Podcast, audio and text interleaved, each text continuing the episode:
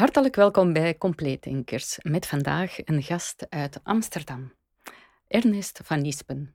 Hij is student religiewetenschappen aan de Vrije Universiteit van Amsterdam. En hij heeft recentelijk dit boek geschreven, Balkonconversaties. Het zijn negen hoofdstukken, negen gesprekken. En het gaat over um, labels die we elkaar opkleven, uh, over dromen, over uh, goed en kwaad.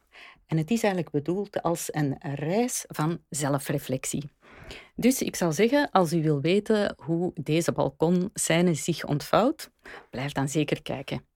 Nog gauw even reclame maken voor onze eigen website natuurlijk, www.compleetdenkers.com. En daar vinden jullie een aantal mooie interviews en interessante linken. Ziezo, welkom Dank wel, Ernest. Uh, dank u wel voor de mooie introductie. Ja, Was het een beetje correct hoor? ja, ja nou, kijk, het is uh, één dingetje. Alleen ik ben inmiddels, uh, dat moet ik nog online zetten hoor. Dat ik ben inmiddels afgestudeerd aan de VU. Oké. Okay. Dus ik ben nu masterstudent esoterie in Amsterdam. Esoterie? Ja. ja. Oké. Okay. Ja. ja. Mm -hmm. Dus dat, de VU is gelukkig afgerond inmiddels, ja, religiewetenschappen. Ja. ja. En het was een goede keuze? om het af te maken zeker, ja. ja. Nou, de esoterie is wel een wat interessantere studie, moet ik zeggen. Ja, dat wel? is toch wel uh, iets meer uh, op de diepte, waar je eigenlijk wel een beetje naar zoekt. Mm -hmm. Het wordt vaak uh, genoemd de studie van afgewezen kennis. door mijn studie heen heb ik heel veel afgewezen vragen gehad. Dus dan kom je al snel uit bij afgewezen kennis. Oké, okay. dus dat is een mooie aanvulling. Ja, ja het is toch wel wat, net wat meer, ligt dieper, dieper bij mijn persoonlijkheid. Ja, ja. wauw, nog een verdieping bij. Ja, ja, dat is echt uh, meer de diepte. Geweldig. Ja. Zeg, hoe ben je eigenlijk uh, tot het schrijven van dit boek gekomen? Wat was zo de aanleiding? Uh, nou, dat is eigenlijk wat meer persoonlijk. Het is, wat is het? Ik was, inmiddels ben ik 23 net geworden. Dus ik was 20 toen ik het boek schreef. Mhm. Mm -hmm. Ik was toen, ja, 20. Ik was net een jaartje terug uit, van reizen. En Mhm. mijn vader was net overleden toen, mm -hmm. toen ik 19 was. Dus een jaartje verder. Nou, op een gegeven moment zit je met allerlei uh, gedachten en Mhm. begin je steeds meer dingen af te vragen. En ik had dan net een wereldreis gehad waar ik ook met heel andere culturen ja, te maken kwam. En dus ook veel andere blikken op uh, kijken naar de wereld. En dan begin je ook meer vragen te stellen van is er wel Zeker. één manier hoe ik het nu toe, tot nu toe heb geleerd, zoals het op de middelbare school bijvoorbeeld, of dat wel de correcte manier is. En Zeker. ik, uh, ik had altijd al vragen over mezelf, maar ze werden steeds wat meer, uh, ja, ze trokken meer naar de voorgrond, laat ik zo zeggen. En dan Mm -hmm. op een gegeven moment dacht ik van, nou, ik moet gewoon uh, al mijn gedachten gaan opschrijven en alle gesprekken die ik heb gehad met mensen. En mm -hmm. zag ik, nou, de vorm van gesprekken spreekt mij aan. En ik zag uh, dat, dat, ja, dat, dat je dan zelf ook meer interesse opwekt als je in een gesprek zit met een ander. Mm -hmm. En dat je dan ook sneller dingen ook integreert. En ook de vragen die je zelf stelt komen vaker voor. Mm -hmm. Dus dan uh, dacht ik van nou, dat is een goede manier hoe je eigenlijk dus ook kennis kan overbrengen en ook eigenlijk jezelf kan uitdagen tegelijkertijd. Dat dat getoetst wordt aan het Ja. inzicht van iemand anders. Ja. Ja. En wat ik, eh, het ging een beetje in combinatie met, ik merkte dat er in de wereld steeds meer mensen gingen zoeken naar antwoorden. Mhm. In plaats van zoeken naar vragen. En dat is misschien iets wat we heel erg zijn vergeten. Is dat we ook eh, onszelf meer vragen moeten stellen. In plaats van dat we zoeken naar de antwoorden. Ja, bij onszelf wilde zeggen. Ja, voornamelijk onszelf. Ja, Ja, ja, zowel ja. aan anderen als aan onszelf. Ja. Dat is ook zo. Ja. ja.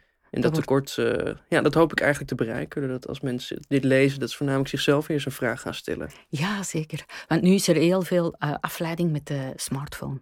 Bijvoorbeeld, uh, ik, ik heb net uh, in de trein Ja. gezeten naar uh, hier naartoe vanuit Amsterdam. Dat is Mhm. nou, Ja. eigenlijk verbazingwekkend. Deze ene rit viel het wel mee. Omdat veel mensen vanuit Nederland naar België is dat toch een leuk tripje met, met z'n allen. Er wordt er wel gepraat. Maar de andere helft van de trein bijvoorbeeld zie je iedereen alleen maar Ja, met de telefoon. Het is helemaal opgezogen in die, eigenlijk in die materiële nieuwe simulatie die erin wordt gecreëerd. Ja. ja, ja. Ja. Ja, want zo'n smartphone, ik denk dat dat nu ongeveer een tien jaar is of zoiets. En wij hebben dan eigenlijk nog een periode gekend waarbij Ja. dat je u, allee, uzelf eigenlijk verveelde. En Ja. Ergens wachten op een bushalte of zoiets en dan rondkijken en dan mijmeren eigenlijk meer. Hè? ja. Dus, eh, ja. Nou, kijk, dat zie je natuurlijk ook met uh, technologie als TikTok uh, bijvoorbeeld, of Instagram, of eigenlijk die sociale media voornamelijk. Uh, dus niet alleen de telefoons, maar dat dat zo een Hm. dopamine kick geeft. Ja, op een bepaalde ja. manier dat je er ook in gezogen blijft en dat je daar ook graag meer tijd aan besteedt. ja, zeker. In plaats van Of het zelf- iets positiefs is, dat is, laat ik aan de eigen invulling over. Ja, ja. Ja, ja, dat is... Een hoofdstuk dat mij enorm heeft aangesproken, dat was eigenlijk over relaties. Relaties, oké. Relaties, Ja, ja, die ja, vond ja. ik enorm goed. En eh, het hoofdstuk 3, bladzijde 81, eh, deze paragraaf vind ik heel mooi. Over jaloers zijn. Jaloers zijn is niet echt jij. Een claimende versie van jezelf is niet de echte jij. Nog is een wantrouwende versie van jezelf de ware jij. Wees wie je bent in een relatie en gedraag je hoe je wil zijn. Laat de angst los om iemand te verliezen, want je hebt de ander in eerste instantie nooit gehad als eigendom. Dat vind ik geweldig inzicht. En hoe ben je daartoe gekomen op zo'n jonge leeftijd? Nou, wat ik voornamelijk had, is ik had, eh, ik heb zelf altijd een bepaalde, ehm, ja, hoe noem je dat eigenlijk, een eh, gevoel gehad van op het moment dat ik ergens iets vorm, van een vorm van restrictie had, dat ik me niet Hmm. fijn voelde. Of het nou, het was van je, je moet een toets maken, of je moet om zo laat hier zijn, of je moet, je moet, moet, moet, moet, moet, of je Ja, moet ja. nog dit, je moet dat, of eh, ik Hmm. ben, eh, ik behoor hierbij. Dan, dan voel ik me niet eh, helemaal, ja, helemaal fijn op zo'n moment. Dus dat- dat, viel me al eerder op. Dat ik dacht van, nou, ik heb toch ergens iets van... eh, ik moet, moet me ergens altijd rebelleren tegen een soort kader. Mm. Wat natuurlijk ook wel, of wat je ook wel vrijheid zou kunnen noemen... is dat het altijd een vorm van rebellie is. Dat je altijd een rebellie Mm. moet hebben tegen de norm van wat normaal is. Ja. En toen, eh, een, eigenlijk de, de vriendin van mijn broer... die heeft toen op een gegeven moment ooit een boek geschreven... waar zij, eh, ja, eigenlijk jarenlang was zij op zoek naar wat de perfecte relatie was. Of het nou een Mm. Mhm. monogame relatie was, of juist, een, eh, juist dat je polyamore of een, wat dan ook. Mhm. En zij kwam erachter van ja, dat is eigenlijk heel persoonlijk. Dus je kan niet stellen dat er maar één vorm van relatie perfect is. Oké. Ja, ja. En eh, kijk, ik heb zelf meer eh, gevoelens eh, richting monogamie. Mhm. En dat is dan meer echt mijn subjectieve invulling. Echter wil ik, ben ik wel altijd van, ik wil ook niet een eigendom zijn, zeg maar. Ik heb geen behoefte aan andere mensen of aan andere partners. Ik Nee, heb wel de behoefte aan het concept van vrijheid of dat ik mij vrij kan bewegen in wie ik ben. Mhm. En als daar een vorm van restrictie in zit, ja, dan voelt het niet fijn. En wat ik voornamelijk zelf merkte daarin is, de enige vaak vragen we het aan een ander, of verwachten we het bijna van een ander, Mhm. dat die ons daarin herkent of kent. En Mhm. dat die ons dat bijvoorbeeld ook die vrijheid geeft. Ja. Maar in het tegenovergestelde zijn we vaak precies andersom. Dus dan geven we dat ook dus helemaal niet. ja, op een bepaalde manier. Eigenaardig. Het, juist de dingen die we verwachten, dat Mhm. doen we het tegenovergestelde. Hoe zou dat komen? Is voor Ja, dat- psychologen. Hè? eh, dat, eh, waarom dat zou kunnen komen is ja, omdat je. ehm, ja, dat durf ik niet precies te zeggen waarom dat komt. Mhm. Maar het, het, het, het wordt ook wel eens het punt genoemd dat wij dus eigenlijk. Wij willen heel graag een kader. Mm. Maar juist binnen dat kader willen we ook weer. zoeken we heel erg naar wanorde. Herken je dat ergens een beetje? We- Ja, toch wel. Daarbinnen, dat wordt in de wetenschap wordt dat volgens mij eh, het androgeen genoemd. Dus ergens Mhm. dat wij proberen te zoeken, of het androgeen. Dat we zoeken naar een bepaalde chaos binnen de kaders, of juist uit die kaders te bewegen. Mhm. Nou, wij leggen een ander een bepaald kader op, maar juist om de angst dat die persoon dat misschien niet zou doen, forceren we dus eigenlijk het erop en door het dus zelf niet te geven. Om iets Wat, uit te lokken. ja, wat dus tegenstrijdig werkt. Op Ja. het moment dat je een ander bijvoorbeeld heel veel vrijheid geeft, Ja. nou, dan kan je, komt het meestal ook wel bij je terug. Het hoeft niet per se zo te zijn, maar in Ja, ieder geval leef je wel naar je eigen normen en waarden die je van een ander wil zien. En ik denk dat dat daar altijd mee moet beginnen. Oké. Ik heb eh, twintig jaar geleden zo eens een boek gelezen over polyamorie. En dat is mij eigenlijk altijd bijgebleven, want daar eh gingen ze in een bepaald hoofdstuk gaan zoeken wat kan de oorzaak zijn van je, je jaloersheid. Ja. En dat waren vier, ehm, vier eh, mogelijke oorzaken. En dat kan ook een combinatie zijn. Dat was ehm, eenzaamheid, dus om alleen achter te blijven. Mhm. en, en bang zijn van je eigen gedachten. Ehm, angst om in een financiële put te geraken. Eh, een angst om bijvoorbeeld een SOA op te doen, als je ja. partner vreemd gaat. Ja. En de vierde was statusverlies. Dus om bijvoorbeeld... ehm, het zijn allemaal kaders, toch? dat zijn eigenlijk allemaal kaders. Als ja. je dit ziet, het is allemaal een bepaald discours of een bepaalde Ja. norm. Of het nou eh, Mhm. vanuit jezelf opgedragen wordt, van nou, statusverlies of een, een, Ja. een SOA bijvoorbeeld. Is, nou ja, dat is misschien dan meer een, eh, een angst voor het eh, persoonlijk. Maar het Mhm. verliezen van geld is eigenlijk eigenlijk ook het materiële bezit. Dus Ja. een bepaald kader van ik moet Mhm. ja, wat is het, kapitaalkrachtig blijven. Of ik wil niet mijn vrijheid, financiële vrijheid laten beperken door een ander. Nou, dus, uh, dat, dat lijken allemaal wel op bepaalde kaders waarvan je juist bang bent om dat kwijt te raken, dat je dan maar uh, jaloers, jaloers, wordt op, uh, op de ja, ander. En dat heeft dan tegenovergestelde effect. Ja, nou vaker druk je dat alleen maar. ja, het werkt magnetisch. Hè. Dus op het moment dat je. Ik, ik, ik zie jezelf altijd in de wereld dat dingen magnetisch werken. Als jij heel graag één ding wil, dan als je heel hard gaat zoeken naar iets, dan komt het vaak moeilijker op je af. Mm -hmm. Echter, wanneer je dat dan eenmaal laat gaan, dan komt het in één keer weer op je af. Ja. Het is, het is heel raar. Is, Loslaten. Ja, als je iets loslaat, dan komt het. Dan komt het, Ja. dient het zichzelf aan. Maar op Ja. het moment dat je het heel hard drukt, dan Ja. duwt het zichzelf ook weg. Ook. Ja. Zou dat de law of attraction zijn dan? De, de, Eh, de wet van aantrekking? Of Nou, dat, dat stelt juist eerder weer die law of attraction. Dat komt dan uit dat boek The Secret, toch? eh, volgens mij. ja, en eh, dat is ook een van de grondbeginselen van de natural law.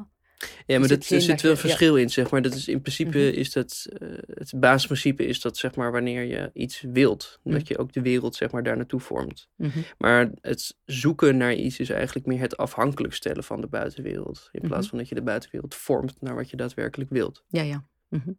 Dus nu bijvoorbeeld in het geval van jaloezie, Mhm. dan verwacht je dat de buitenwereld zich mm, aan jou opdraagt. Eigenlijk dat je, dat, dat maar zo eh, met jou meeleeft. Ja. Terwijl op het moment dat je dat bijvoorbeeld uitdraagt, dus Mhm. dat je een vrije relatie wil door het zelf te geven, dan gaat de wereld ook vrij naar jouzelf vormen. Ja, ja, oké. Zeg, in die kaders waar, waar dat je over spreekt, heeft dat dan te maken met ego-identificatie? En een soort van egocentrisme, alsof dat de wereld alleen maar rond jou draait en een moeilijk een inlevingsvermogen kunnen hebben?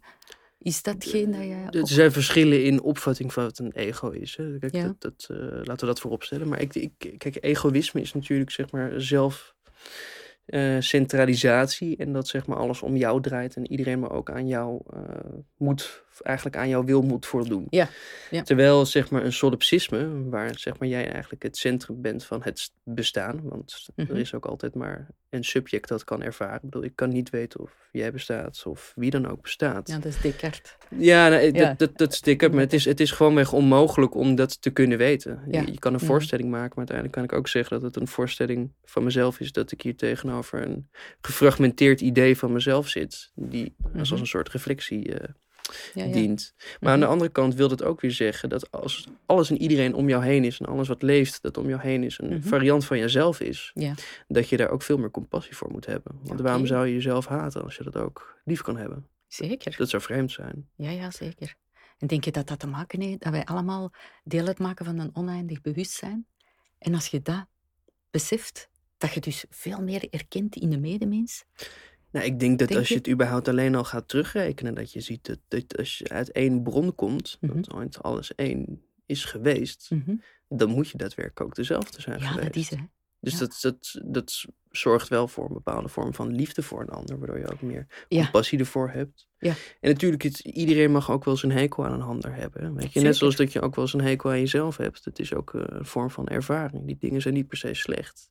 Mhm. Als je alleen maar eh, dingen als goed ervaart, dan wordt het ook nihilistisch. Ja, dat is. Ja. Want eh, ik, ik las onlangs nog een, een quote van eh, dat Jezus zou eh, vermeld hebben, zal die wel kennen. Degene die de wortel van het kwaad niet erkent, eh, kan er nooit een vreemde voor worden. Nee. Dus dat je eigenlijk dat wel moet kunnen. Ja, maar dingen, dingen je, je ziet dingen meestal in, in polariteit, maar aan, aan Mhm. goed. Als je het concept goed zou willen ervaren, dan moet je daarbij ook kwaad erkennen als onderdeel daarvan. Absoluut.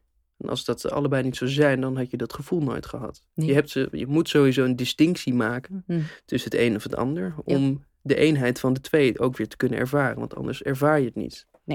Dat beschrijf jij ook in het boek in hoofdstuk 5, denk ik. Hè? Dat zou goed kunnen, ja, ja, Ja, ja. ja. Dat nee, is, maar eh, dat, dat, ja. dat is. eh, ik begin mijn boek met eh Hera- Heraclitus. Heraclitus. Mhm. Met dat alles altijd verandert. Dus in principe de enige consistente is dat dingen veranderen. Of het nou Mhm. goed is of kwaad. Ze kunnen altijd ook weer omdraaien. Ze kunnen weer Ja. veranderen. Dingen blijven nooit hetzelfde. En het is altijd een vorm van hoe je maar dingen wil zien. Mhm. Dus als jij bijvoorbeeld nacht wil ervaren, dan kies je daarvoor ook mee van dat je bijvoorbeeld dag kan kennen. Oké. En als jij water wil drinken, dan weet je ook dat er bijvoorbeeld vuur is of aarde. Ik Noem maar wat. Mhm. Zeg maar, uiteindelijk is bij elk ding dat je kiest te ervaren, is ook een andere optie ervoor mogelijk, die daarmee ook tot existentie komt. Ah, oké. Ja, zeg maar, dan moeten we allemaal een beetje inzitten in die termen, hè? Ja, nou, Dat is wel zo, hè? Maar ja, ja, Nou, in principe is het. Uh, ik heb het proberen heel simpel te schrijven. In ja, ieder geval. Dat is. Uh, kijk, wat ik merkte is. Ik heb heel veel filosofie gelezen in mijn mhm. leven. En dat, en dat vormt u. u denkt nou ja, dat vind ik nog wel eens jammer dat het me eigenlijk heeft gevormd. Uh, ja, toch? Ja, wel? Nou, kijk, vaak. Dat merkte, kwam ik laatst eigenlijk achter. Dat. ik had eigenlijk veel meer het onbevangen. in de eerste instantie dingen. De primaire werken bijvoorbeeld. Eerst willen lezen weer. Dat nu ben je al zo gevormd door allerlei andere denkers. Die dan toch onbewust in jouw denken meespelen, waardoor je ook weer anderen op een andere manier gaat lezen. Ja. En juist die onbevangenheid, zeg maar, dat idee dat je dingen mhm. voor het eerst leest, vind ik eigenlijk veel leuker. Omdat dan misschien direct uh, met je intuïtie een mhm. reactie kan maken. Nee, je moet nu heel vaak uitsluiten wat je eigen gedachten zijn. Oké. Maar als je dan daarna over mijmert, kan je dat dan niet een beetje terug scherper stellen? Dat dat terug met je eigen ware zijn? Nee, dat, je moet wel altijd. Uh, dat, dat is wel de enige manier die ik altijd geprobeerd heb. Uh, Uiteindelijk dus te gaan doen, is mezelf betwijfelen. En elke vorm van wat ik ook denk, van ja, is dat mm. eigenlijk wel zo? Ja. Op zich is dat goed, hè, Ernest? Dat denk ik wel, ja. Ik, ja, ik uh, vind dat wel. Maar dat, is, dat zou toch ook wel een beetje normaal moeten zijn op het moment dat jij niet twijfelt over je eigen gedachten. Dan verval je altijd heel snel in de tunnelvisie. Ja, dat is ook zo. En ik denk dat dat veel mensen in die, in die val zitten. En dat heeft natuurlijk volgens mij met ego op, ook te maken. Hè? Van, ik heb dat bestudeerd en ik ben daar een specialist in. Gelijk dat ze zo zeggen van, uh, sommigen zijn eigenlijk, hè, professors en zo, en, docenten, die zijn uh, gespecialiseerd in de schaduwen op de muur van de grot van Plato. Ja, hè? ja. dat is heel letterlijk. Zonder dat die dat zelf beseffen. Ik denk dat ze dat ook wel beseffen hoor. Ja, toch wel? Ja, nee, kijk, maar ergens, uh, je kan je afvragen of wetenschap überhaupt wel een bestaand iets is. Hè. Kijk, dat is volgens mij uh, Nietzsche die dat zegt. Die heeft op een gegeven moment van ja, mm, de wereld komt sowieso niet één op één met de theorie die we ervoor stellen. Mhm. Want dat is nooit hetzelfde en soms werkt het, soms werkt het niet. Mm Langzamerhand is onze theorie ook van wetenschap, ons idee van wetenschap is ook veranderd. Wanneer is iets waar? Mhm. Als het werkt. Ja. Maar dat wil niet zeggen dat je weet wat het is. Ja. Dat is iets heel anders. Je weet wat werkt en wat het doet en hoe het iets doet. Maar het zegt niks over waarom het het doet. Wat het precies is dat het doet.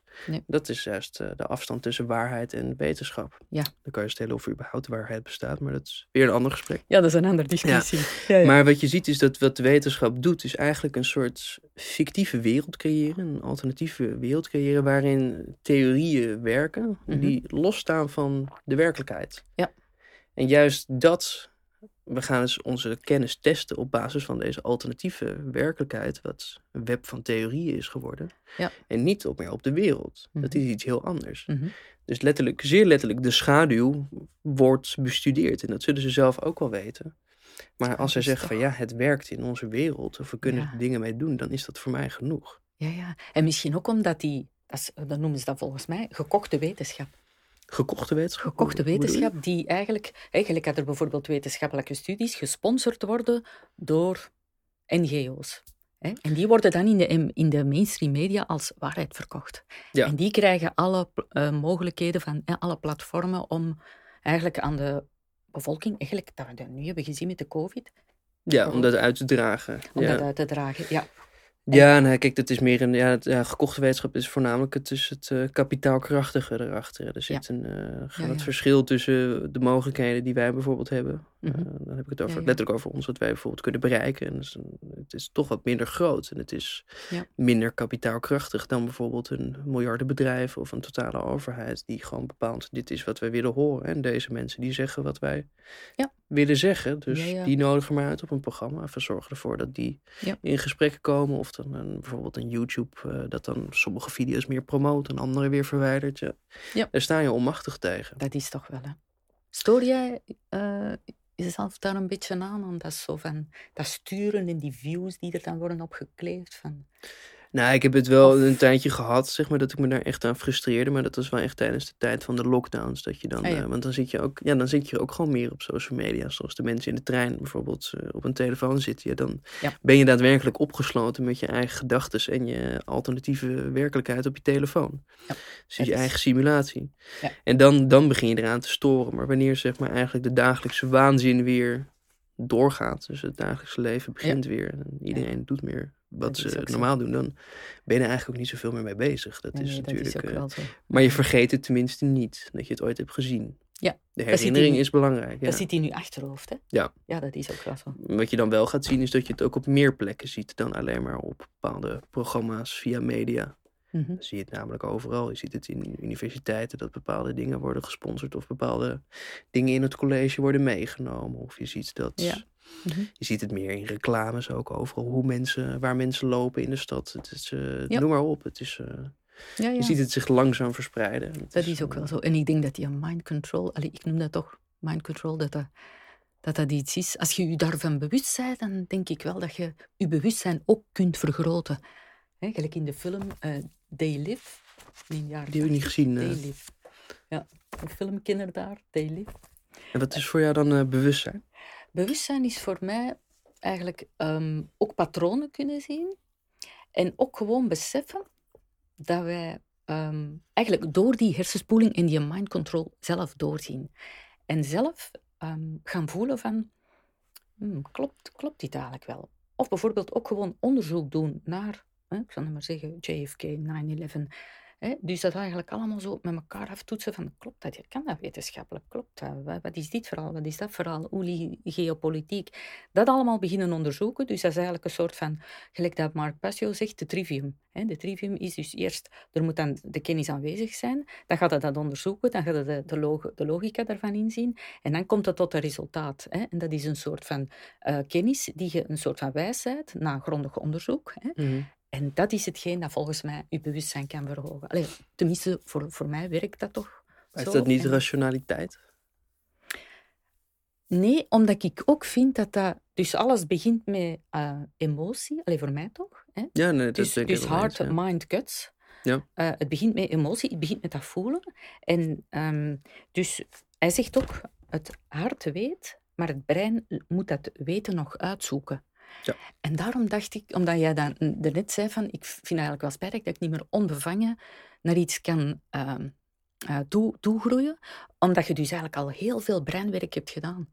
En dan denk ik soms wel van, ehm, dat weten, dat zit volgens mij in ons hart, want ik heb ooit gelezen dat er 40.000 neuronen in het hart zitten of zoiets. En die eh, staan eigenlijk in verbinding met uw neocortex. En dat is eigenlijk het menselijke brein die het kritische denken kan regelen. Dus weg van het reptiele brein dat ons constant in angst zet. Hè. Ja. En ik denk zo, die samenwerking van, ehm, van dat hart en dat evenwicht in linker en rechter, dat dat echt uw bewustzijn wel kan verhogen en u vanuit uw ware kern toch bewuster kan maken, denk ik. Maar hoe kijk je dan naar materie? Als dan zeg maar, eh, is iets, met- materie wordt vaak gezien als iets verslavends, als iets wat ons Mhm. hier gevangen zou moeten houden in. Ja, ik zie dat meer iets gelinkt aan het ego. Ja. Want zo, we hebben dan even gemaild over hè, dat ik denk eh, dat wij dus in een simulatie leven en dat dit niet onze normale manier van zijn is. Dus dat wij eigenlijk een soort van ehm, energie zijn vanuit de bron die in een reïncarnatieval is getrapt ehm, en dan op deze aarde leven, maar eigenlijk door de mind control van de simulatie weg worden gehouden van onze ware kern en eigenlijk dan als mens niet meer beseffen dat wij eigenlijk in deze avatar niet thuis horen. En daarom denk ik, eh, maar, want ik wou eigenlijk nu ook vragen of dat je angst hebt voor de dood. Dus ik denk echt, al, ik heb dan de val van David Icke ook gelezen, en er zijn nog wetenschappers die dat zeggen. Dus op het moment dat wij sterven, wij verlaten ons, ehm, onze avatar, dan komen wij, ehm, of, of al dan niet, naar gelang u gelooft tijdens uw, uw fysieke leven, eh, voor een lichttunnel. En dat zou dan eigenlijk de val zijn van de archonten, om u terug te doen reïncarneren en terug in een lichamelijk eh, leven zetten op deze aarde. Dus dat geloof ik. Dus dat wij eigenlijk niet gemaakt zijn om met een fysiek lichaam en binnen deze ma- materie te leven, denk ik. Zo voelt dat, voelt, Zo voelt dat. zo voelt dat voor mij. Ja. Maar het voelt soms ook niet fijn om in eh, materie te zijn. Niet altijd. Nee. Maar je hebt niet het gevoel gehad dat je er ergens ook voor koos. Om in materie. Ja, om een ervaring op te doen. Ja. Zeker. En dan betwijfel ik me dus of het een gekozen, dan, dan als je het een gevangenis zou noemen, dan is het dus wel een vrijwillige gevangenis. Dat is ook zo. Maar dan hoop ik, ik weet niet, moet er direct uw visie maar eens op geven. Dus um, omdat wij toch wel geloven dat, dat er dus uh, ongeveer een duizend, een duizend reïncarnaties of zoiets, en dan kun je in die, in die sferen, die hogere sferen geraken en zo. En dan, um, als je dan ziet hoe dat wij eigenlijk um, gedurende, en vooral de, gedurende de laatste jaren, echt zijn beginnen beseffen van, oh, dat klopt hier iets niet. Hè? En dan beginnen beseffen van, ik kom niet meer terug. Ik kom niet meer terug naar hier. voor mij hoeft, hoeft dat niet meer. En dan kun je... Nee, dat maar... betwijfel ik wel hoor. Ik denk dat uiteindelijk... Uh, nou kijk, ah. er is niet heel veel buiten ervaren om. Hè. Mhm. Kijk, eh, wat wij zien als zeg maar bijvoorbeeld een concept van hemel of gnosis is een bepaalde perfectheid. Mhm. En dat zou dan fijn moeten voelen, maar dat gaat ook vervelen. Op mhm. een gegeven moment wil je ook juist het hele doel van het leven zo zijn geweest, zoals ik het in ieder geval langzamerhand heb proberen te redeneren, is juist niet mhm. alleen dat we willen ervaren, maar dat we ook voor kiezen om te vergeten dat we alles al wisten. Ah, en terug van nul te beginnen. Ja, we vergeten het, zodat we de lol kunnen hebben om het weer te herinneren. Oké. Omdat je alles in de eerste instantie... Het is ook nooit op het moment dat je iets eh, weer leert... of als je iets leert of iets nieuws ziet... is het nooit echt nieuw. Het voelt altijd herkend, herkenbaar. Of... Déjà vu gevoel. Ja, een déjà vu gevoel. Of, mm. of, eigenlijk wist ik dat al, maar ook is het nieuw voor mij. Ergens voelde ik toch al dat ik dat ergens wist... maar ik was er nooit achter gekomen dat ik dat kon herinneren. Ja. Nou, dat gevoel zie je eigenlijk altijd bij, bij, zie ik bij heel veel dingen. En dat mhm. viel mij toen ook wel op. Dat je, um, het moet bijna zijn dat je ervoor kiest om dingen te vergeten. Zodat je het ook weer terug kan uitvinden hoe het was. Want het is niks leukers om dingen weer terug te vinden. Voor u is dat zo? Nou, dat, dat, ik denk dat het bij het meeste, ook bij kennis of bij uiteindelijk eh, eigenlijk elke vorm van Ah, iets vinden is best wel. Ja, ja dat je voldoening. Ja, en dan wil je ook weer verder zoeken. Als je niks vindt, dan blijf je altijd zoeken. En je wil, als je eenmaal iets vindt, wil je weer verder zoeken. En zo breng, kom je dus op, ook op een pad. Mhm. Maar als je dat van tevoren al zou weten, zou je ook niet zoeken. Dan heeft het namelijk geen nut om te ervaren. Ja, zeg maar, ik weet niet of dat jij Marcel Missink uh, ja, ik ken Marcel Messing, maar uh, nee, ik ben niet heel. Uh, ik, ik sta soms op sommige dingen wat, wat dubbel op okay, Marcel ja. Messing. Nee, omdat hij zegt: het is tijd om terug naar het huis van de vader te gaan. Hè? En dat betwijfel ik. Oké. Dat betwijfel ik. ik. Ik denk, ik ben er niet mee eens dat we die ooit hebben verlaten. En dat zou ik misschien ook wel uitleggen aan de hand. Want je stelde me ooit een vraag over uh, de demiurg. Uh, over het idee vanuit uh, eigenlijk de Kataren. En dan de Kataren die zijn dan weer, moet ik dan eventjes korte bocht maken. Dus die mhm. zijn ooit geïnspireerd door de Bogomiels, dacht ik. Dat was meer in het Byzantijnse Rijk. En die waren weer geïnspireerd door de Valentijnse school, de Valentinians. Die mhm. in, wat is het nog, vanuit Rome. En die zijn weer geïnspireerd door de Gnostici. Mm er zit een hele lange slurf door Europa heen, die uiteindelijk steeds kleine veranderingen in het verhaal heeft gebracht, wat de Gnostici uitstralen. Mhm. En voor de mensen die niet weten wat de Gnostici zijn, de Gnostici waren een sect rond de, het midden van de tweede eeuw na Christus. Mhm. En die hadden voornamelijk een soort verhaal dat eigenlijk zweefde tussen het christendom en het neoplatonisme. Mm het Neoplatonisme is eigenlijk een Griekse filosofische school mhm. die meer een soort religie werd. En nou, het christendom uh, kent u allen, neem ik aan. Dus dat, um, daar zit een bepaalde overeenkomst in. Echter, het verschil met de gnostici en het standaard christendom is dat de gnostici stellen dat de wereld waar we in leven nu is dus imperfect. Een mhm. soort allegorie van de perfecte wereld. Een nepplaatje, een simulatie. Ja. En de perfecte wereld is ergens daarboven is onkenbaar. En die is perfect in essenties. En dat kunnen we niet precies weten. Maar het idee is dat er altijd een soort perfecte kern in ons zit. Mhm. Waardoor we altijd ook weer terug kunnen keren. Of dus ook aan de hand van die perfecte kern van ons. Dus ook mhm. aan de hand van imperfectie kunnen zien hoe de perfecte wereld in elkaar zit. Oké. Dat is eigenlijk de basis. Ja. En in dit verhaal van de gnostici is het, uh, wat wel interessant is om te vertellen hoor. Het begint het namelijk in een soort void. Wat ook wel uh, gek is. Het begint in een soort niks. Er is helemaal niks. Mhm.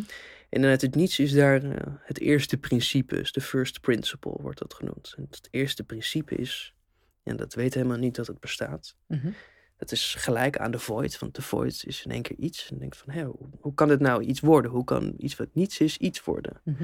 Nou, heel simpel. Dat ziet namelijk aan zichzelf dat het denkt. Mhm. En dat is wat ook bewustzijn is. Mhm. Als wanneer een subject doorheeft dat het een subject is. Mhm. En als het zichzelf dan kan objectificeren, dus Mhm. buiten zichzelf kan plaatsen, dan Ja. ontstaat er iets nieuws.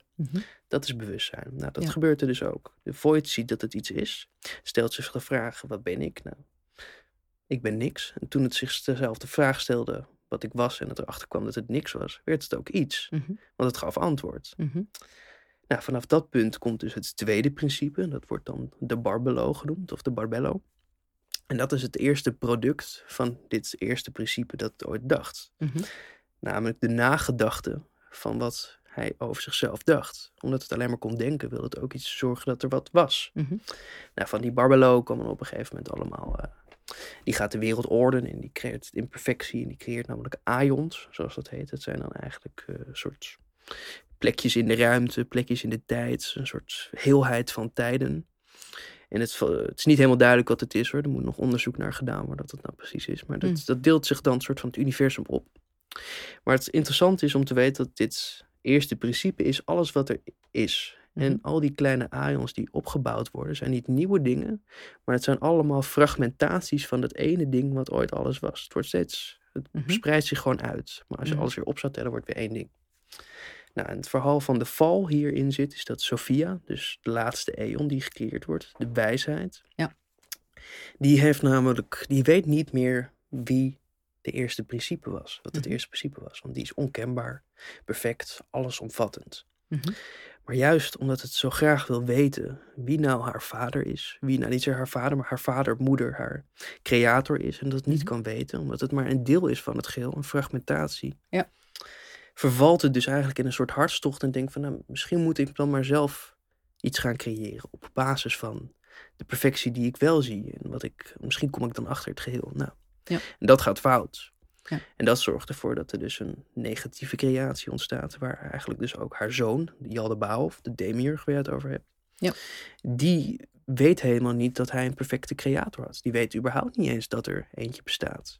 Dus die wordt dan, maar die hoort wel dingen. Die ziet namelijk zijn moeder, Sophia, de wijsheid. Hij heeft een bepaalde kennis van. Hij heeft op basis van die kennis van zijn moeder, de wijsheid, ziet hij dat er perfectie bestaat. Mhm. Dus hij gaat de wereld helemaal creëren. En op basis van deze perfectie, die hij wel kan herkennen door Sophia. Mhm. En eh, doordat hij al die perfectie heeft gezien, creëert hij allemaal imperfecte varianten daarvan. Mhm. Maar je moet wel bedenken, dit is nog steeds onderdeel weer van Sophia, die weer onderdeel is van het grotere geheel. Het is ook weer uiteindelijk ook maar gewoon fragmentaties daarvan. Ja.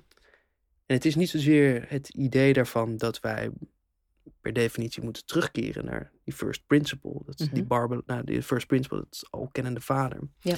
Want dat is ook daadwerkelijk alles en niets tegelijk. Mhm. Dus je moet ook bedenken dat dat dus helemaal niks inhoudt. Ja. Want hij is niks. Nee. En juist die ervaring ook weer van die Jal de Bouwhof zorgt ervoor dat wij hier in materie zijn. En als we Mm. de liefde daarvoor voelen, Ja. dan op een gegeven moment worden we weer één met Sophia. Ja. En dan wordt ook Bouwhof, dus de demiurg, kan Mm. eindelijk weer zijn gehele vader herkennen. Ja. Dus het gaat er meer om dat wij de liefde voor de materie weten te vinden. Ja. En niet de verslaving.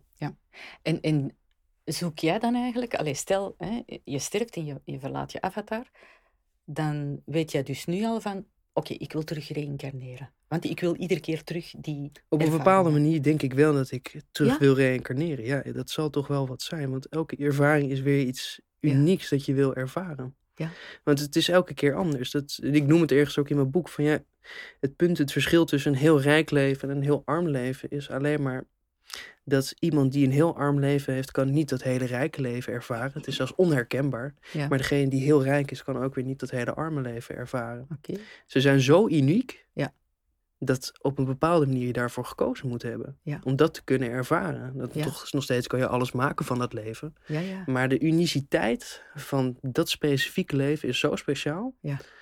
Dat je dat toch op een bepaalde manier dus ervoor wil kiezen om die ervaringen, die emoties die daarbij horen te kunnen ervaren. Ja. Dan moet een bepaalde perfectie aan ten grondslag liggen. Zeg, en denk jij dat, je, dat uw ziel eigenlijk die, toch die ervaringen gedurende die levens ervoor kan opbouwen, zodanig dat je toch iets bewuster in een nieuw leven stapt? Dus dat dat eigenlijk toch Dus niet meer helemaal, dat eh, karma-idee bedoel Ja. je? Dat, eh, ja, dat, dat, kan je niet je helemaal af- gewist wordt. Nou, kijk, als, op het moment dat je van perfectie afkomt, waarom zou je dan in de eerste instantie een progressie nodig moeten hebben als je al het geheel was? Mhm. Dat zou tegenstrijdig moeten zijn. Oké. Want dan zou je al die levens moeten opbouwen. En dan, zeg maar, maar je kiest ervoor om ze dus te vergeten. Ja. Maar wat ik wel kan, lijkt mij, is dat je ook in je eigen leven tussen, tussen bepaalde regressies of eerdere levens, dus Mhm. ook kan soms intappen en dingen kan zien. Ja. En dan kan je wel spreken over een vorm van progressie. Ik weet niet of je dan meeneemt, maar omdat je er wel toegang tot hebt om Ja. jezelf bepaalde dingen over dit leven te leren. Ja, waarom dat je bijvoorbeeld bepaalde gewoontes of reacties geeft, om eens Ja. te gaan kijken van, heeft dat te, te maken met Met iets levens? anders, ja. Ja, Ja. Of het dan progressie is, dat, of dat cumulatief is, dat het Ja. op zich opbouwt, eh, weet ik niet. Dat is, Nee. dat is moeilijk te zeggen, maar Ja. toegankelijk lijkt me wel. Ja, ja. En zeker als je het neemt vanuit trauma's, kan je je afvragen of het überhaupt progressie is of niet degressie. Nee, dat is ook ja. wel waar. Ja. Nee, je kunt het dan wel uit leren natuurlijk. Ken jij eigenlijk Martijn van Staveren? Nee, nee, ik kom Nee, me niet bekend Die heeft voor, eh. bijvoorbeeld, ehm, die beweert, hè, dus de moment dat wij hier eh, geboren worden, moeten wij normaal gezien eh, die ervaringen van die vorige levens eigenlijk meenemen. Hè? Dus die kennis. Ja. En dus ehm, bijvoorbeeld, hè, ik zou zeggen, eh, Mozart, van kleins af aan kon je hè, al direct operas en heel de symfonieën schrijven en zo.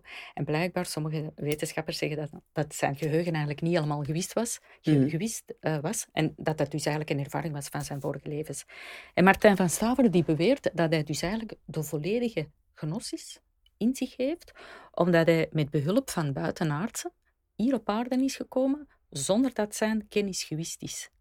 Ja, En hij beweert dan dat dat eigenlijk, eh, dus als wij geboren worden, wij trappen in die, terug in die re- reïncarnatieval. ja. En dat wordt eigenlijk door archonten, die dus in samenwerking, eh, archonten zitten onder de demiurg, denk ik. Hè. Dus die archonten, dat die energieën ons eigenlijk eh, volledig terug leeg, gereset doen geboren worden. En dat wij dus eigenlijk terug als een onwetend, we hebben dat Christusbewustzijn wel, maar... Dus en Martijn van Staver beweert dan van, ehm, die probeert dan dat bewustzijn en de mensen te doen inzien van, die kern zit wel in jullie en het is gewist, maar probeer u dat terug te herinneren, want de wijsheid zit in ons. ja maar dat, dat zou dan dus terugkeren naar met het, met het hart denken. Dat is Ja. in principe dat. Als je in, Ja. de, in de kern, ja, de Grieken noemden het middenrif. Oké. Dat je in middenrif daar het gevoel zit of daar je eigenlijk echte zijn en denken. Dat, Ja. eh, dat je ziel daar bevindt. Ja. Dat zou dan die gnosis moeten zijn eigenlijk. Maar het, Mhm. het, eh, die is dan niet ge- zozeer gewist, maar meer eh, eh, vergeten. We zijn... Vergeten. Ah, ja, het, binnen hoe, hoe de ehm Nakamadi-teksten in ieder geval het noemen. Dus dan, ik noem het een Mhm. Engelse vertaling. dat Zeggen ze Mhm. altijd in acquaintance. Dus dat bekend zijn met het perfecte. Dus het is niet zozeer het integreren of het weten of het... Ja. Het is meer een soort afstandelijke bekendheid. Je moet het soort van eh, herkennen. Het is iets een... eh, het valt Oké. niet helemaal te vertalen. Maar het, het is een vreemde verstandhouding met, het, met perfectie. Ah ja, oké. Dus je moet het, als je het in jezelf kan herkennen of soort van bekend mee zijn, dan Ja. is dat al genoeg. Je hoeft het niet Nee. te zijn, Nee. maar alleen in te zien dat er wat is. Eckhart Tolle, eh, die ik eigenlijk met zijn boeken te lezen, ben ik eigenlijk echt bewust geworden van het feit het verschil te kennen tussen eh, uw gedachten en uw ware kern. Ja. Die had een depressie en in het eerste hoofdstuk schrijft van op een gegeven moment, ik had er zo genoeg van, eh, zo kan ik met mezelf niet leven. En dacht van, hm, ik ben precies twee entiteiten aan het spreken Ja. tegen elkaar. Ja. En dan eh, komt het er eigenlijk op neer van eh, uw ware kern naar uw gedachten te laten kijken. En dan dat erkennen van... En meestal is dat dan het ego dat speelt, denk ik. Nou, kijk, het, het, het, eh, wordt dan misschien wel heel Freudiaans, maar eh, ja, Mhm. kijk, het is natuurlijk het verschil tussen het superego, het it en het ego. Mhm. Dus dan heb je eigenlijk je, je, je lichamelijke verlangens, het soort van het hogere verlangen. En dan het lichaam dat zich eigenlijk, nou eigenlijk meer de, de, de, de ego, die, de stuur, het sturingsmechanisme van het ego moet ertussen bewegen. Nou, Mhm. Plato noemt dat dus, dan heb je eigenlijk eh, het lichaam, de gedachte of de geest. En dan heb je de ziel die trekt eigenlijk aan de touwtjes. Maar ja, als Ah, ja. je ze niet in balans brengt, Mhm. dat is misschien ook die achtste hermetische wet die je Ja. benoemt, dus dat Ja, de equilibrium. focus to care. Ja. Ja. Als je, dat, je moet wel het equilibrium weten te vinden. Als de, als de balans er is, dan is er dus ook sturing. Dan kan de ziel daadwerkelijk sturen. Of misschien de gnosis sturen, als je het zo wil noemen. Ja. Dus die, die- ja, inderdaad, je hebt altijd twee entiteiten. Die zijn ergens altijd in strijd met elkaar. Maar Ja. de zoektocht naar de basis daarvan is eigenlijk... Het begint altijd wel bij zelfreflectie. Als je het niet inziet dat je Ja. geleid wordt door de een of door de ander... of dat de ene harder trekt dan de ander... dan, Ja. dan, dan weet je het ook niet. Mhm. En dat is misschien, eh, eh, ja, je ziet natuurlijk heel, heel groot deel van de mensen is meer getrokken nu naar materie, dus verslaving naar materie. Mhm. Maar bijvoorbeeld een heel groot deel van de mensen, wat je eerder benoemde met wetenschappers, hebben, worden heel erg getrokken door de geest, zeg maar het rationele denken. Mhm. Die willen alles proberen te kennen aan de hand, maar ook weer aan de hand van de materie. Dus dat is ook weer vreemd. Het zijn twee werelden die zo elkaar aan het uitsluiten zijn op Ja. het moment. Van zo'n juist een Ja. synthetisering daarvan, dus het een worden daarvan zou eh, Absoluut. een beter pad zijn. Maar dat is natuurlijk heel moeilijk. Mhm. Ik had het dus laatst, eh, zat ik daar een beetje over na te denken. Dat is eigenlijk ook wij wel problemen hebben met het woord. Het woord Mhm. is eigenlijk een heel groot probleem waar wij in leven. Dat we taal nodig hebben om te communiceren. Mhm.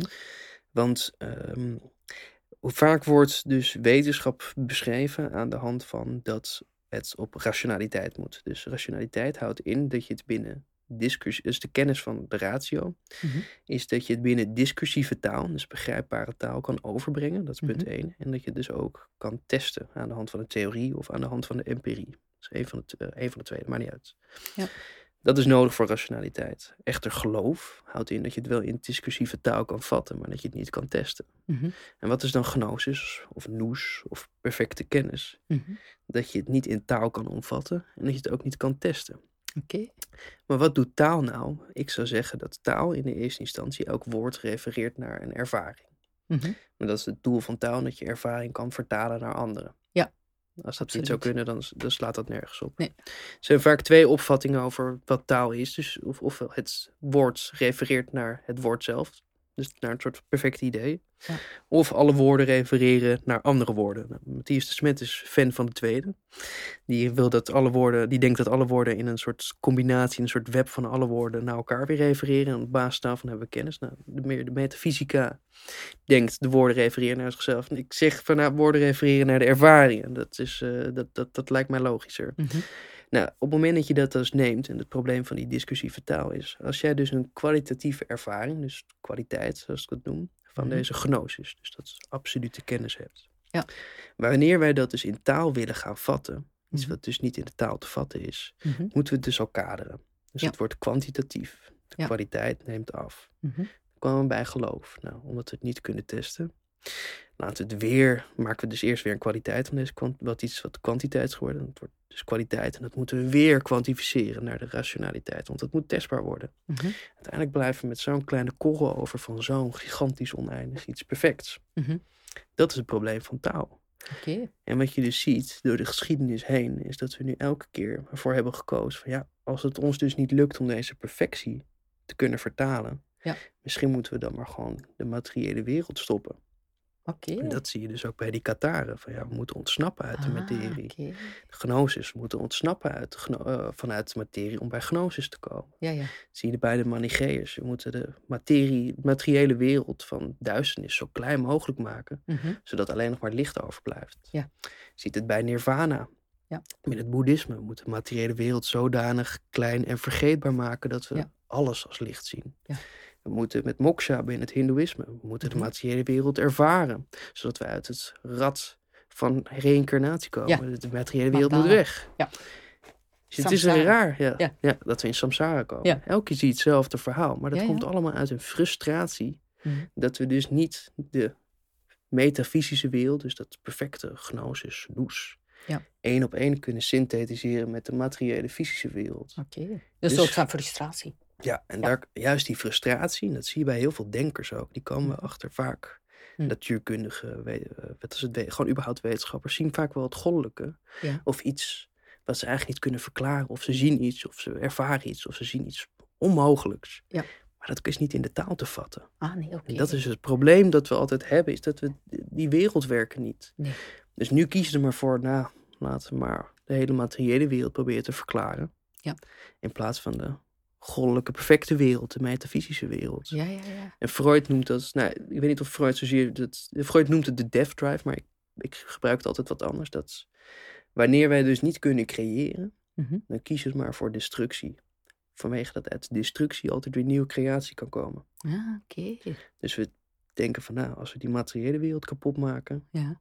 Dan wordt een nieuwe creatie ontstaat eruit. Dat is dus wat al die Kat- eh, Kataren, Gnostici, Manicheërs, al die religies proberen. Ja, zeg, en, en sluit dat aan bij het feit, omdat jij zei van, we verklaren oorlog als slecht, maar waarom laat God deze dingen dan gebeuren?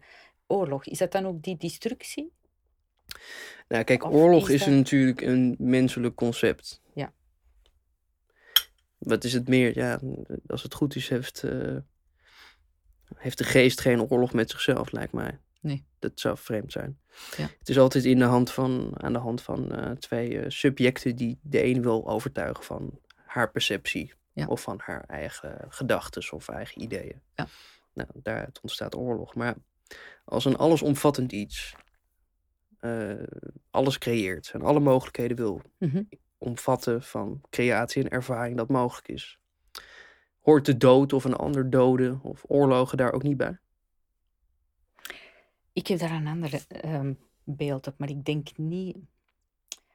Ik denk dat er oorlogen gevoerd worden om ehm, een soort van loes te creëren. dus L-O-O-S-H. Ik weet niet of dat je van die term al gehoord hebt. Loes. Loes. Ja, dat is een Engelse term. En dat is eigenlijk... Dus als wij angstig worden, dus in ons reptiele brein gaan zitten, dan eh, stralen wij een, een, eh, soort van lage frequentie uit, lage energie. Ja. En dat is... ehm, en ik denk dat de, de Kataren en de Gnosten dat eigenlijk ook wel van overtuigd waren. Dus die zien de demiurg als iets slecht. Er wordt een tweede wereld, een simulatie gecreëerd. Wij worden daar met ons bewustzijn ingevangen. Wij geraken dus in de materie. En dan hè, ehm, creëren ze van bovenaf oorlogen. Maar die, worden, die beide partijen worden van bovenaf aangestuurd door die eh, argonten en die reptilians en al die er, en die Greys die er allemaal onder zitten. Dus die oorlogen worden gecreëerd en eh, mensen sneuvelen, lijden, eh, zijn angstig en die stralen een negatieve energie uit en dat wordt in het Engels loes genoemd. En daar voeden die argonten zich mee.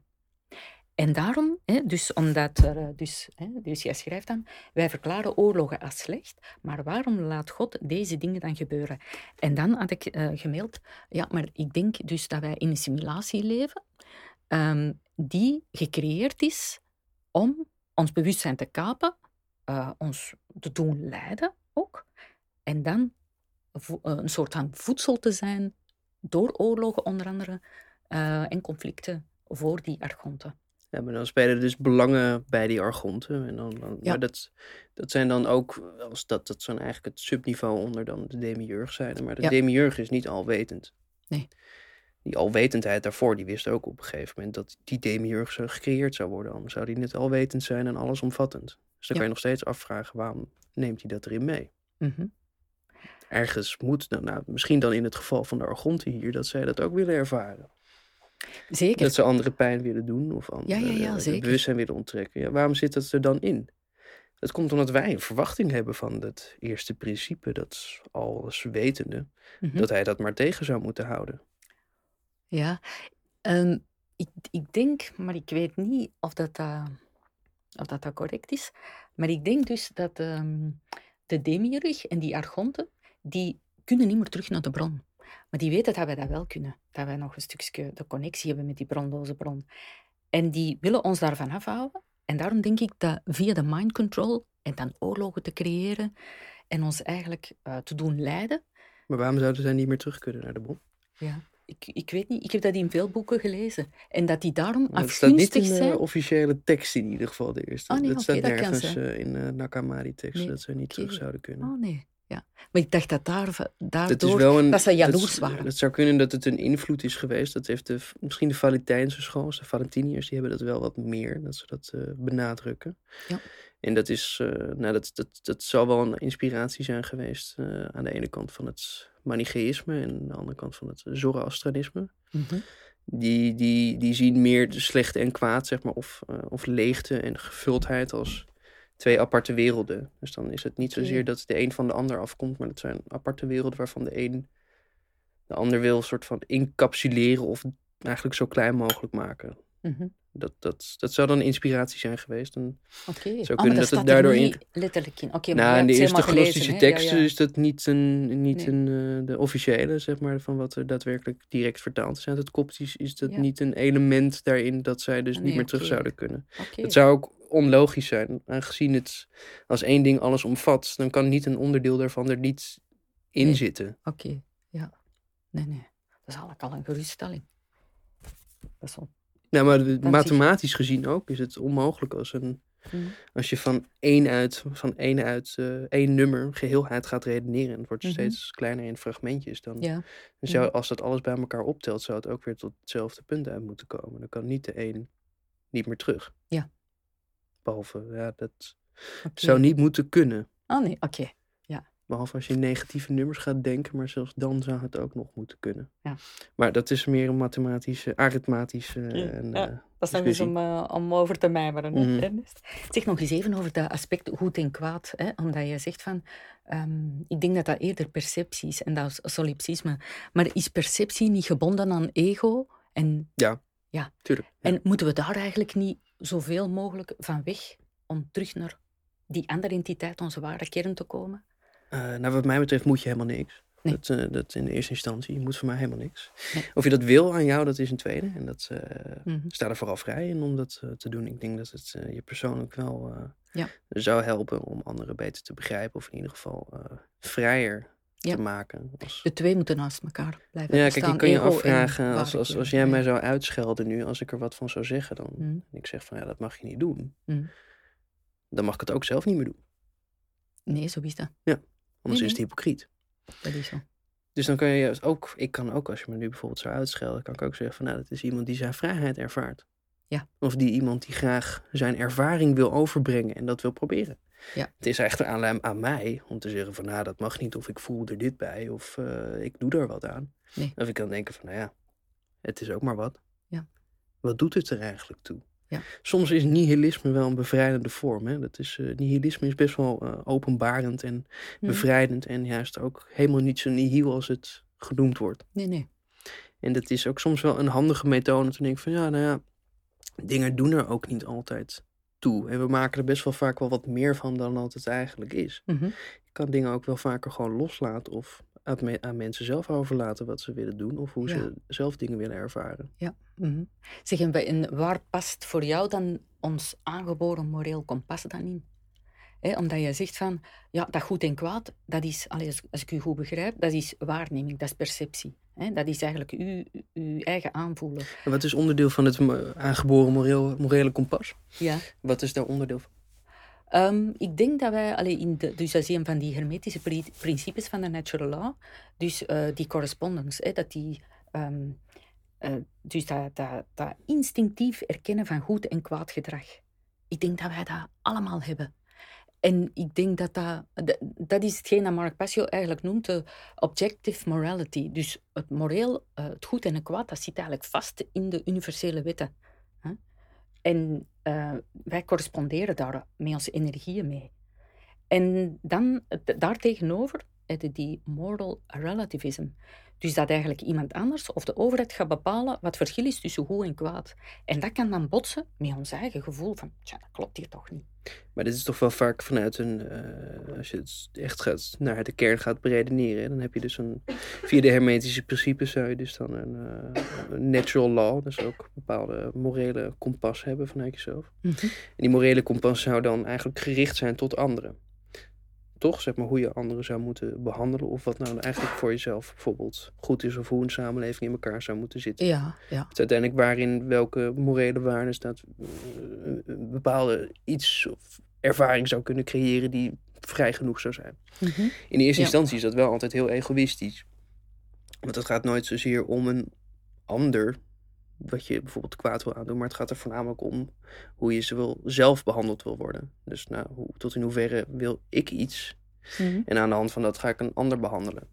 Mhm. Dus zal het dan daadwerkelijk ingeboren zijn? Of is het meer gewoon een zelfreflectie vorm waarvan je denkt van nou op deze manier is het het vrijste vorm van leven als ik dus niet een ander dood Ja, of zelf niet gedood wil worden, Ja, dan moet ik maar een ander ook zo niet behandelen. ja. Dus dan is het per definitie niet.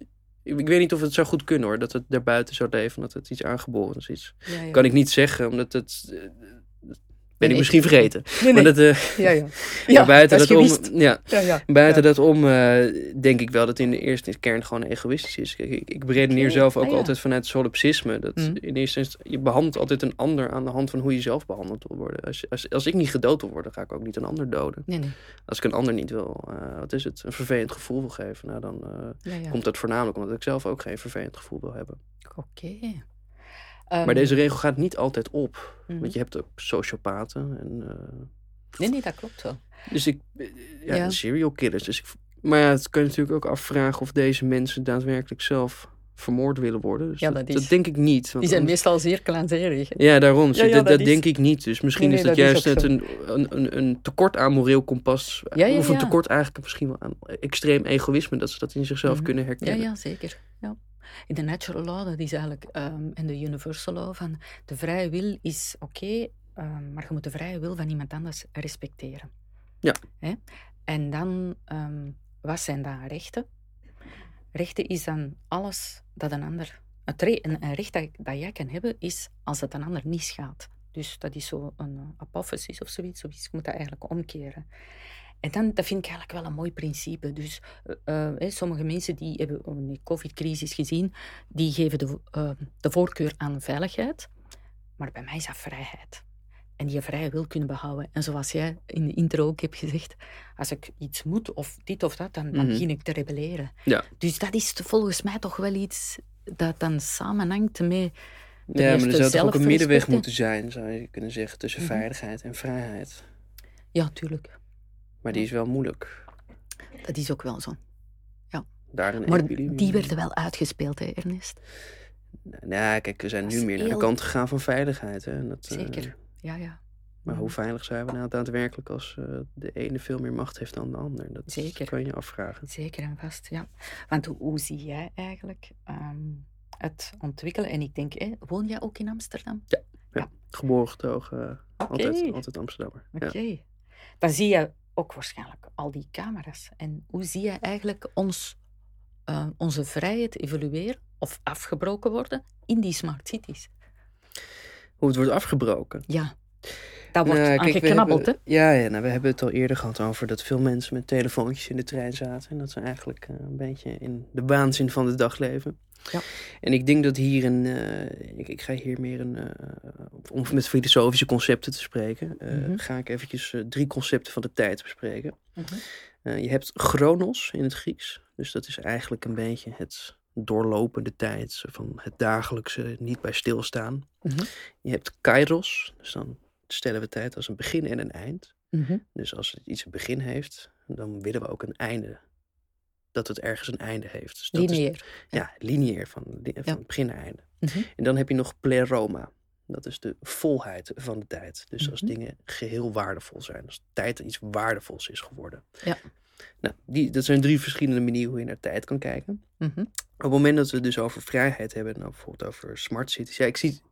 Amsterdam is nog niet echt een smart city, weet ik. Volgens mij er zijn andere steden in, Amst- in Nederland die daar Rotterdam misschien dat al. eh, Arnhem, Utrecht. ja, dat weet ik niet precies hoe dat werkt. Maar in ieder geval, je ziet wel heel veel eh, toename van camera's in ieder geval. Ja.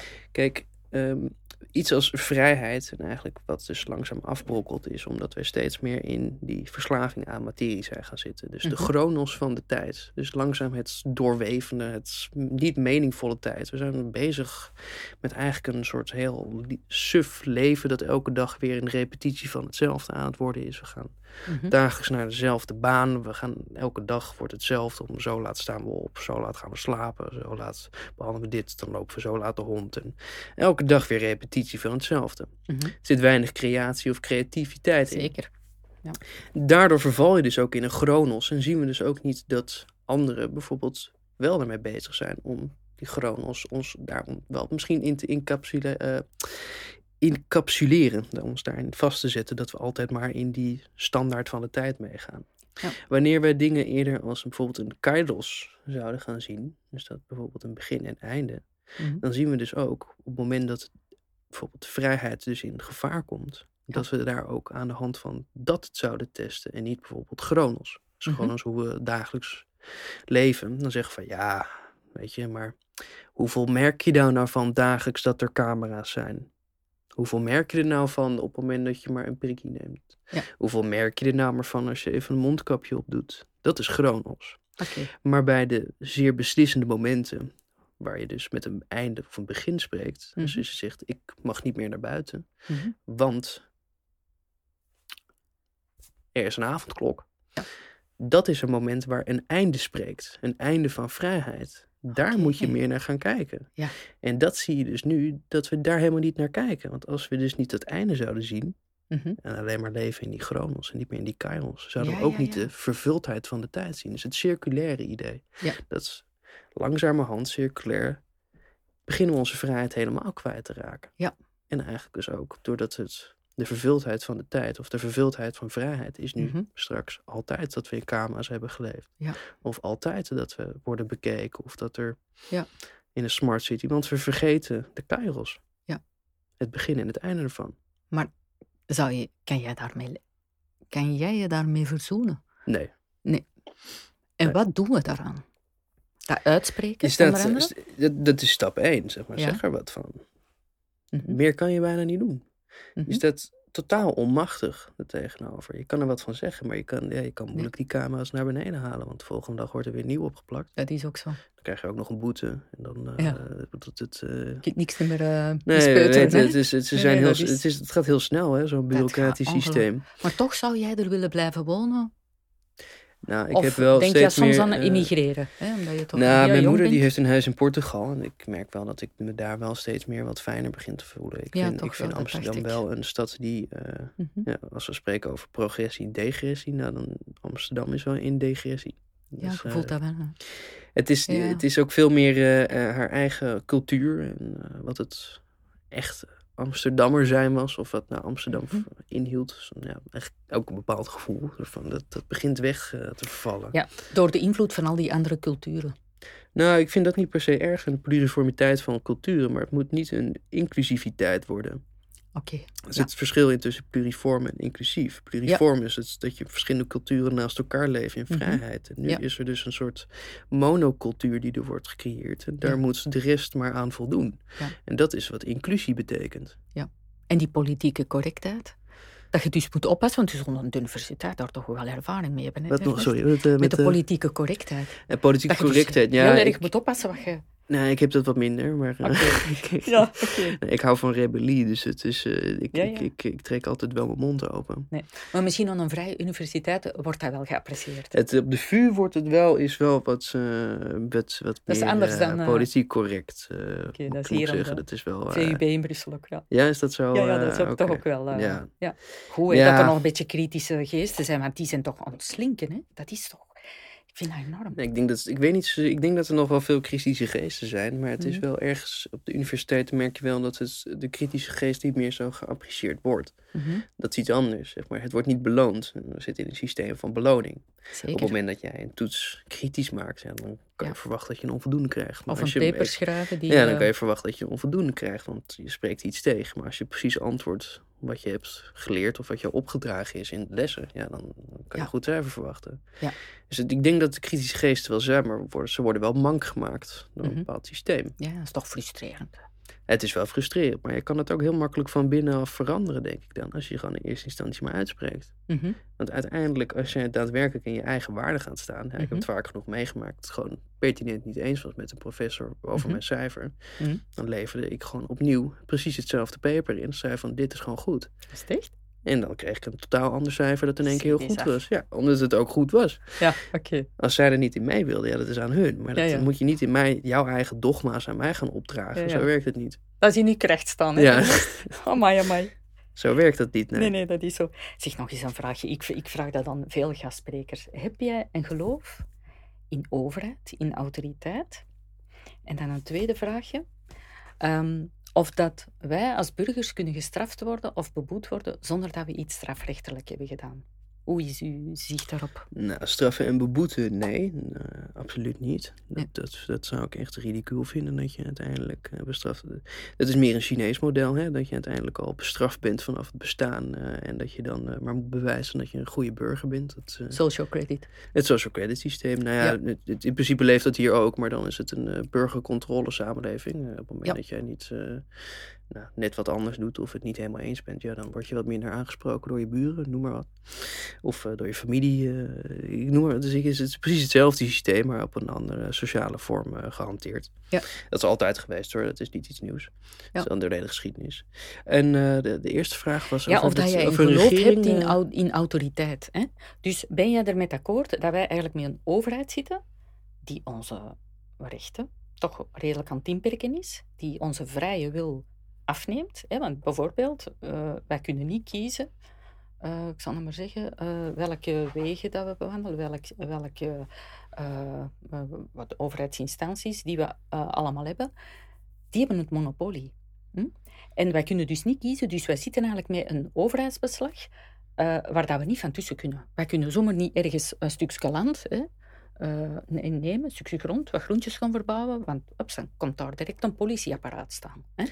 En dat, ja, mijn principe is meer van, wij zijn hier eigenlijk geboren op aarde, maar wij moeten voor alles betalen. Voor water, voor, voor zelfs de property taxen. Hè. Dus wij kopen een stukje grond, wij betalen registratierechten op, we moeten er nog eens grond, grondlasten op betalen. Dus heel dat concept van belastingen, van uh, de, die inperking van uw vrijheid. Ik denk, hè, uh, Ernest, dat er uiteindelijk uh, op de keper beschouwd twee soorten mensen zijn. Degene die willen creëren, degene die in hun eigen levensonderhoud willen uh, voorzien. En dan een andere die daar vruchten van wil plukken. En die daar dus belastingen heeft en dan een politieapparaat dat dat eigenlijk met geweld afdwingt. Maar dat, die dat... twee soorten zijn er, volgens mij. Uh, nou, ik denk dat het misschien wel wat genuanceerder kan liggen. Maar dat de ene af... Ja, er zijn heel veel mensen die dat natuurlijk van creatie willen afplukken. Maar ik denk dat heel veel, uh, toch uiteindelijk de meeste mensen wel autonoom willen zijn. En anders als onder een autonoom persoon willen werken. Maar -hmm. het is meer, denk ik, jouw kritiek ligt er meer in op de soort van uh, de, de, de almachtige staat. Ja. En, en een, de neoliberale samenleving daarin, ja. toch? Dat, ja. dat neem ik aan dat dat meer het probleem erin ligt. Ja, ja. Maar vraag je me dan over, wat, over een overheid in het algemeen? Of is dat. Ik denk eigenlijk, als je bijvoorbeeld, ik zou maar zeggen, twee of drie mensen op een eiland zal zetten. Heeft, zou er dan iemand van nature die autoriteit mogen nemen om te beslissen wat er met de twee anderen gebeurt? Dat is toch niet? Dus waarom zouden dat concept dan groter pakken? Waarom is er een ruling elite die heel de heel de, allez, alle 7, 8 miljard mensen kan aansturen. Waarom is dat? Ik vraag me dat echt af. Wij hebben rijkdommen op de aarde, hè? maar wij moeten dan gaan betalen aan een top in de piramide. En dan denk ik, hoe komt dat zij dat eigenlijk in eigendom hebben? Hoe komt dat wij daarvoor moeten betalen? Dat klopt mm -hmm. toch niet? Er is ooit vrije energie geweest. Nu wordt zelfs door de VN het recht op water is niet meer een mensenrecht. Nee, dat nee, wordt stilletjes aan afgenomen. Dan denk ik, waar gaan we naartoe? Dat klopt toch niet? En dan vind ik, dan moeten we dat echt durven uitspreken. Ja. Niet iedereen moet anarchistisch zijn en niet iedereen is klaar om zonder een overheid te leven, omdat zo mee, zoveel mensen verslaafd zijn aan veiligheid. Mm -hmm. Maar ik denk, je moet dat echt durven benoemen. Ik vind dat wij echt op een slavenplantage leven. En ik ben niet be te beroerd om dat te benoemen. En er zijn heel veel mensen die dat chockerend vinden, dat ik dat zeg. Maar als je bedenkt nou, dat nee, je... dat is, dat, dat, zo chockerend is dat niet uiteindelijk. Nee, is dat 45, toch ook, uh... 47 jaar moet werken. Gelijk dat je zegt. Hè? Je zit dan in, ja, nou in ja, je molen. Dat, en... uh, dat, is het ook in principe wat de wereld nu uh, wel is. Kijk, eh, dat komt voornamelijk, ik, mij persoonlijk is het de volgorde van leven. Mm -hmm. We beginnen eerst met het leren, dan met werken en daarna pas met zijn. Terwijl je eerst moet ja. zijn en ja. Daarna pas gaat leren en dan gaat werken. Zou andersom moeten zijn. Ja, het is Ja. een beetje tegenstrijdig. We gaan eerst naar school, dan Ja. gaan we werken en dan op het, als we bijna dood zijn met pensioen van oh ja, wat vinden we nou eigenlijk leuk? Ja. Dat is te laat. Je Dat moet te eerst afvragen en dan daar pas gaan leren. Mhm. Anders eh, kom je in een eh, verkeerd rad terecht. Ja. Echter eh, denk ik, oh, oh, kijk, het systeem zoals het nu werkt, nee, dat, daar sta ik absoluut niet achter. En dat vind ik ook een, ja, dat heeft ook een slaafse mentaliteit in de eerste instantie. En dat is ook, Dat is ook. Ja. Kijk maar naar de bedrijven. Ik bedoel, eh, tot in hoeverre kan je je eigen autonomie bepalen, überhaupt binnen een systeem zoals het nu is. Dat is relatief lastig, want je kan alleen al op de woorden die je uitspreekt eh, bepaald worden wat je nog je vrijheid ook maar is. Zeker. Dus dat, dat, daarin ben je ook niet zo vrij meer. En dat is ook wel wat slaafs. Maar echt, als ik denk over overheid en regering in het algemeen, denk ik wel dat het ook op een andere manier zou moeten kunnen. En dat Mhm. het niet per se slecht hoeft te zijn. Mhm. En dan denk ik misschien meer aan een soort aristocratisch ideaal. Dus dat, Mhm. eh, maar dat, het is ook onmogelijk hoor. Dus daarin, eh, eh, Plato schrijft in zijn eh, tekst, even niet meer welke, volgens mij de Republiek. Vond ik wel een interessante tekst, daar heb ik ook wel mijn kritiek op, want ik ben het niet eens met Plato. Maar het idee van een aristocraat is een soort, ja, wat is het, een soort Jezus, een soort Dalai Lama, een soort Boeddha, Mhm. filosoof, koning Mhm. aan de top. Ja. En die zou niet, eh, die zou eigenlijk zijn materiële hebzucht moeten hebben laten varen. Dus zijn lichaam daadwerkelijk hebben moeten laten varen. Alle impulsen die ervan komen. Mhm. En op basis van dat zou hij dus niet meer beïnvloed moeten zijn. Beïnvloedbaar door geld, lust, seks, macht. Dat zou hem allemaal, of haar, haar, dus niet meer eh, ertoe doet, moeten doen voor die persoon. Dus die zou dan Ja. oprecht kunnen heersen. Mhm. En zelfs dan, als je dus met dat verhevende gnosis bijna dus verbonden is en niet meer bepaald wordt door het lichaam, Mhm. maar het wel kan door laten vloeien in het lichaam en naar de samenleving, Mhm. zou hij dat dus nog steeds moeten overleggen met twaalf andere filosofen. Nou, dat vind ik een interessant concept. Dat je eigenlijk dan dus ook weer een soort twaalf apostelen die dus ook weer allerlei verschillende filosofische meningen hebben en dan toch die gnosis door een sociale molen moeten ha- halen om dat soort van reëel te maken. Ja, dat is natuurlijk een fascinerend idee. Mhm. Echter gaat Plato veel te ver. eh, diegene gaat dan eh, tot een bepaald punt. Wat juist nu de huidige wereld eh, ook doet. Dus eh, Plato zegt op een gegeven moment ook van ja, we moeten bepalen wie er kinderen moeten krijgen en wie niet. En wie welke baan krijgt en wie niet. Dat is dus meer een Ja, ja. extreem, extreem beeld. Ja. Maar het idee van een aristocraat zou op die manier eh, zou interessant moeten zijn. Maar dat is wel relatief onmogelijk. ja, of dat dan nu nog eh, zo... Aan de andere kant kan je Mm. ook afvragen, is een overheid uit nihilisme, wat, of niet zo'n nihilisme, anarchie? Mhm. Eh, an- anar- anarchistische samenlevingen hebben ook altijd een soort schijnoverheid. Hè? Dat is een, Hm. er, is, er is geen officiële overheid, maar er is altijd een soort leidende figuur of mens waar mensen, Ja. waar mensen op vertrouwen, waar ze Of toch naartoe gaan. Die, is, of- die staat nog steeds gelijk aan alle andere burgers. Ja. Maar het is wel iemand die orde kan scheppen in de chaos. Dat is een Ja. beetje het idee. Dus orde in de vrijheid. Ja. Nou, de Tempeliers hadden daar ook een andere methode voor. Die hadden, de, hun leider was anoniem. Er was één hoog, eh, wat is het, de, de officiële leider van de Tempeliers. Dat was dan, eh, Hm. ja, dat soort van de hoge priester. En dat, eh, niemand wist wie dat was. Hm. Het was maar de, die leider was er wel. Dus de orde was er, maar niemand wist wie de orde was. Dat, Beetje gelijk nu, hè? ja, We ja, weten maar dat, ook niet wie dat er in een top zit. Nee, klopt, die weten we niet. Maar we weten wel dat er een top zodanig is dat er een verschil is. En dat die wel Ja, ja. eh, ons inperkt. Dat is het verschil. Zeker. En ik denk dat deze eh, top van de Tempeliers ons dus niet zouden beperken. Misschien later, toen ze wat meer materialistischer werden. Maar het, het Mm. idee dat er zijn wel mogelijkheden om het anders te doen. Maar hebben die gezien? Dat weet ik niet. En ik vraag me Ja. af of dat... ehm, Dat is ook ik weet zo. niet of ik dat ook ga meemaken in mijn leven. Of naar Nee, dit leven, ook- laat ik het zo nee. zeggen. Want eh, we hebben dat in de vorige podcast ook al gezien. Hoe moeilijk is het eigenlijk al geweest tijdens die COVID-crisis om echt te zeggen, volgens ons is dat echt een hoax geweest. Hè? Dus het, eh, het coronavirus is eh, zelf nooit geïsoleerd geweest, hè, blijkbaar. Dus de ene wetenschapper spreekt daar de andere tegen. Maar ze hebben toch daar een, eh, nou, 80, 90 procent van de mensen zover gekregen om een experimenteel vaccin dan eh, eh, geïnjecteerd te krijgen. En dan besef je eigenlijk maar pas van, allee, neem nu dat dan misschien maar 10% van de mensen zijn die dat vaccin niet hebben genomen, dan denk ik dat is toch extreem weinig hoe laag, allee, hoe, hoe weinig dat mensen daarbij stilstaan en om dat te proberen te doorzien. En dan spreken we soms van, eh, gelijk eh, in eh, de Matrix, NPC's, dat er non-player characters zijn, die dus in, de, allee, in die simulatie dan weer gesproken, volledig afhangen van de ehm, AI, de Artificial Intelligence, waar de simulatie dan zou opgebouwd eh, zijn. En wij kunnen, hè, dus het ego via het reptiele brein, is dan gekoppeld aan die AI. En die kunnen ze eigenlijk eh, via de smartphone, via mind control, via de, de, de 5G en zo, kunnen ze zodanig mensen hun gedachten en hun gedragingen ehm, dus beïnvloeden. En dan komt het erop neer, denk ik, om eh, ons bewustzijn dat ego-programma te laten overschrijven. En dan zijn we eigenlijk echt geschrokken van het feit van, zijn er zoveel mensen die gewoon figuranten in een simulatie, in een verhaal, meegaan in het narratief van de overheid. Terwijl dat er weinig echt kritisch, zelf nadenkende mensen waren die echt zeiden van, nee, ik, ik moet dat niet hebben.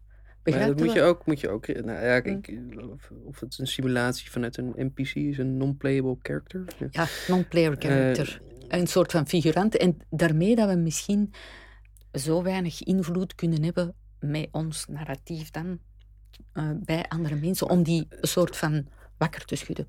Nou, kijk, uiteindelijk is dat toch ook. eh, kijk, weet je, ik zeg elke keer van ik redeneer vanuit een solipsisme. Dat, dat als, als we daadwerkelijk van allemaal dezelfde kern zouden komen, en dus ook allemaal gelijk zouden zijn, dan is Mhm. de overheid die er nu ook is, ben je daadwerkelijk ook zelf. Mhm. En de persoon die zich dus bijvoorbeeld wel laat beïnvloeden door de verhalen van een overheid of van eh, grote kapitalistische bedrijven of mensen met een eh, Mhm. bepaalde motivaties die niet op één liggen met mij in dit geval, maar de andere fragmentaties van mezelf dan of andere varianten van mezelf of andere wezens. Mhm. Ja, als die toch één op één gelijk met mezelf zijn, en, maar alleen in een andere vorm van ervaring of andere fragmentatie, ja, dan hoe kan ik daar nou een hekel aan hebben of ze proberen te overtuigen als dat dus ook op een andere manier mijn eigen wil is geweest? Ja, maar ik denk, hè, Ernest, dat dat ehm, een soort van. ehm, ook een, zo, een, een kenmerk is van het ego. En daardoor dat je dat kwaad niet meer herkent, waar dat dikwijls van een overheid kan uitgaan. Dus dat dat solipsisme gelinkt is aan het ego, en het ego wordt bestuurd door de AI van de simulatie. En dan denk ik, die kritische geest komt dan niet van het bewustzijn, dat eigenlijk helemaal uitgehold is door de mind control. En dan weet ik niet heel goed of ik daarop moet antwoorden. Maar Ja, dat, nee, eh, dat- ja, misschien ben ik het een beetje te ver ontzoeken, maar allee, wij vinden dat eigenlijk spijtig dat, ehm, dat er vrij weinig bewustzijn is en dat er weinig mensen zien wat dat er met die smart cities op ons afkomt. En dat is spijtig, vind ik. Ik vind dat we zouden moeten kunnen streven naar een verhoging van bewustzijn zodanig dat je dat ook erkent, wat dat er op ons afkomt. Met die AI. Het komt dikwijls in het nieuws we lost control of our AI. En dan denk ik, ja, maar we moeten dat ook durven benoemen. En zeggen van, Ja, nou, het begint in principe. eh, begin met een eh, vraag aan jezelf stellen. En dan, als je ja, vragen hebt gesteld, eh, Ja. benoem ze. Ja. Ik denk dat je Mhm. daaruit voornamelijk moet beginnen. En dat daar ook eigenlijk wel elk probleem uit ontstaat. Is dat we naar antwoorden zoeken Ja. zonder ze te bevragen. zeker. Ja. Maar ik heb daar persoonlijk wel... ehm allee, ik, ik- soms denk ik ook wel, als ik echt jonger was, dan zou ik hier weg zijn. Met die smart cities, ik denk echt dat dat hier gelijk... Als we niet oppassen en niet meer mensen daar bewust van maken, dat dat hier eh, onleefbaar geworden. Een digital ID met CO2-budget, social credit score. Ik denk ehm, dat weinig jongeren zich daarvan bewust zijn. Dat denk ik wel, ja. Inderdaad. Dat weinig mensen zich daarvan bewust van zijn. Ja. Of het eh, gevaar ervan inzien. Ja, dat is. Hè? En jij ziet nu toch ook nog tussen heel veel jonge mensen. Wordt daarover gesproken? Ja, relatief weinig. Ja, Ja? ja, ja. Ik heb wel eens discussies erover gehad. Maar ja, kijk, aan de ene kant... ehm, Ver van Eh, mijn bedshow. Ja, ver van mijn bedshow. En kijk, je kan, Mhm. je kan ook, als je door, jezelf door angst laat regeren aan de andere kant. Dat is ook dus niet goed. Nee, nee, dat is ook niet goed. Dan beperk je jezelf er ook in. Het werkt Dat ook is ook magnetisch. Dan trek je het alleen maar meer naar je toe. Dat is word je ook. passief. Je kan ook werken aan juist het tegenovergestelde. En het tegenovergestelde van wat ja, je wordt opgedragen, uitdragen. Nou dan, hopelijk gaat de wereld ook die kant op vormen. Dat is ook wel zo. Ja. Kijk, je kan wel hard in een woestijn eh, gaan roepen als Ja. mensen het niet willen horen. Maar als je uitdraagt wat je daadwerkelijk denkt, wat je zegt, wat je wilt, Mhm. dan zien mensen het. Dat, is ook, Zien is niet iets, iets anders dan horen. dat is ook wel zo. Ja. Dus niet alleen de keyboard warrior zijn, maar ook Nee. in de materie. Nou, Hè? Dat is uiteindelijk ervaring in de essentie van zijn. Dat is ook wel zo. Maak je eigen ervaring en Ja. creëer wat je wil. En Absoluut. inspireer daarmee anderen. Zeker en best. Ja. ja. En dat proberen we nu te doen, hè? Ja, dus laat je altijd inspireren, maar nooit indoctrineren. Dat is, Zeker. eh, dat, Ja, ja, dat is het. 100%, Ja. Dat is het ook. Ja. Ja. En Maar jou- dat vind ik ook altijd heel belangrijk om te zeggen hoor. dat bij. hè. over mijn boek. Dat, eh, Kijk, eh, ik, ik heb het misschien geschreven. En het is voor mij inmiddels ook, als ik het lees, voelt het niet meer als mijn tekst. Het voelt als iets dat ooit dat door me heen Ja? geleefd is. En dat het gewoon maar is opgeschreven. Mhm. Maar het is ook, ik, ik denk er nu anders over. Zeg maar niet zeer precies anders als in die tekst. Maar ik denk, ik kijk anders naar wat ik heb geschreven. Ik zie nieuwe dingen erin. Ik zie dingen die ik toen niet zag. En Is dat zo? Ja? Ja, nee, 100%. Maar er zit ook Mm. altijd een gevaar aan. Aan zo'n tekst als ik bijvoorbeeld, dat ik merk als je iets schrijft, dan zit er het risico aan dat als iemand anders het leest, dat hij het voor zijn eigen waarheid neemt. Ik wil namelijk dat je vragen stelt. Dus bevraag ook wat ik je stel. Neem Ja. het niet als antwoord aan. Dat vind ik het belangrijkste. Ja, de zelfreflectie doen. Dus laat nooit altijd een ander de waarheid voor je bepalen. Ja, ja, dat is. Bevraag het. Hetzelfde ook wat hier stelt. Ja, je mag je laten inspireren door wat ik zeg, maar laat het Mhm. nooit overnemen wat, Dat is ook. wat je zelf denkt. Ja. Kan je zelf ondervragen, maar niet Niet. laten vervangen. Nee, niet nakakelen. Ja. Zeker. Ja. En dan heb je echt wel een goede richting gekozen. Ja. Een studierichting, hè? Ja, klopt, klopt, klopt. Dat ja. stond in de sterren geschreven. Ja, Ja, dat, dat, is denk ook ik wel. wel. Ja. Ja. Hoe lang eh, is dat nog, die esoterie?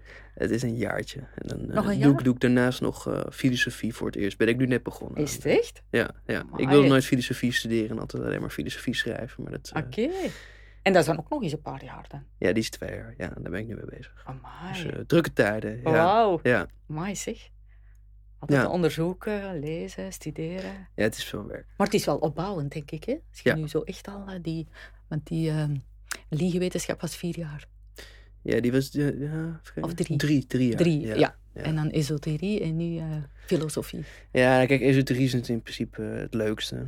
Ja? Dat vind ik wel, ja. Mm. Het is gewoon fascinerend. Het is, een, eh, het is eigenlijk een wereld, een totaal andere wereld. Mhm. Het is echt ook een andere blik op de werkelijkheid. Ja. En dat is het leuke eraan is dat het, kijk, jammer genoeg is maar één jaar. Mhm. Maar als, als mensen het ook interessant vinden, zou ik het zeker aanraden om dat te studeren. Ja? Het is echt waard. Ja, als je Mm. nog een keertje een master zou willen doen, dan uh, je hebt de tijd en het geld. Uh, Oké. Doe het zeker. Het is echt heel leuk. Ja. En daarnaast is het ook, kijk, het is een instap. Het is Mhm. misschien wel master, maar het is omdat het zo'n wereld op zich is en een, eigenlijk een beginnend wetenschappelijk veld. Ja. Zou je daarna, het is meer een soort inspiratiebron om daarna te vinden wat er nog meer in die werkelijkheid is. ja. Dus je moet dat uh, ook zo zien. Je gaat niet, uh, Mhm.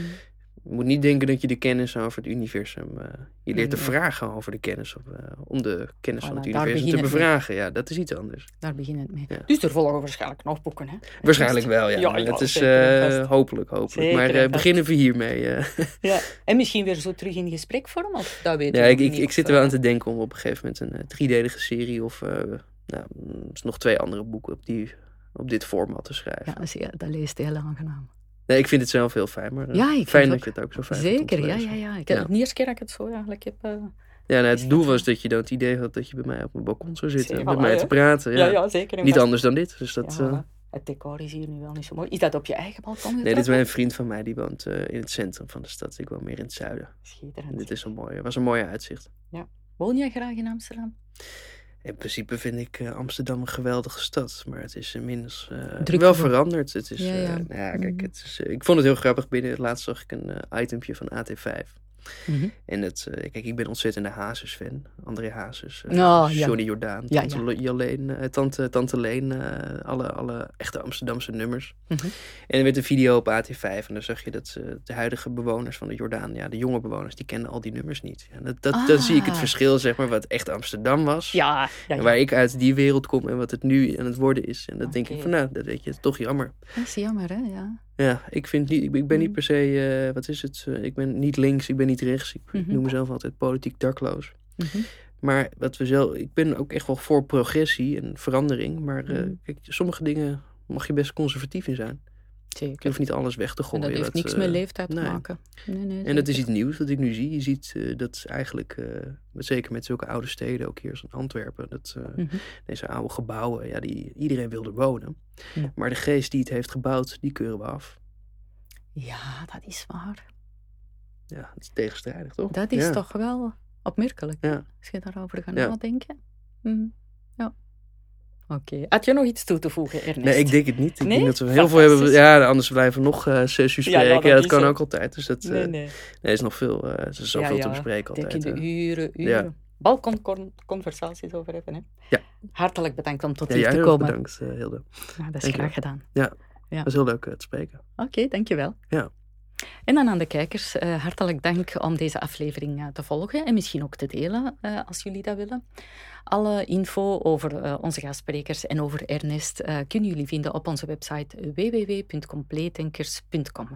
En daar vinden jullie ook een knop om ons een duimpje te geven ehm, en ons financieel te steunen. Misschien met een Buy Me a Coffee. Dat zouden we heel leuk vinden. Bedankt voor het kijken en graag tot een volgende aflevering.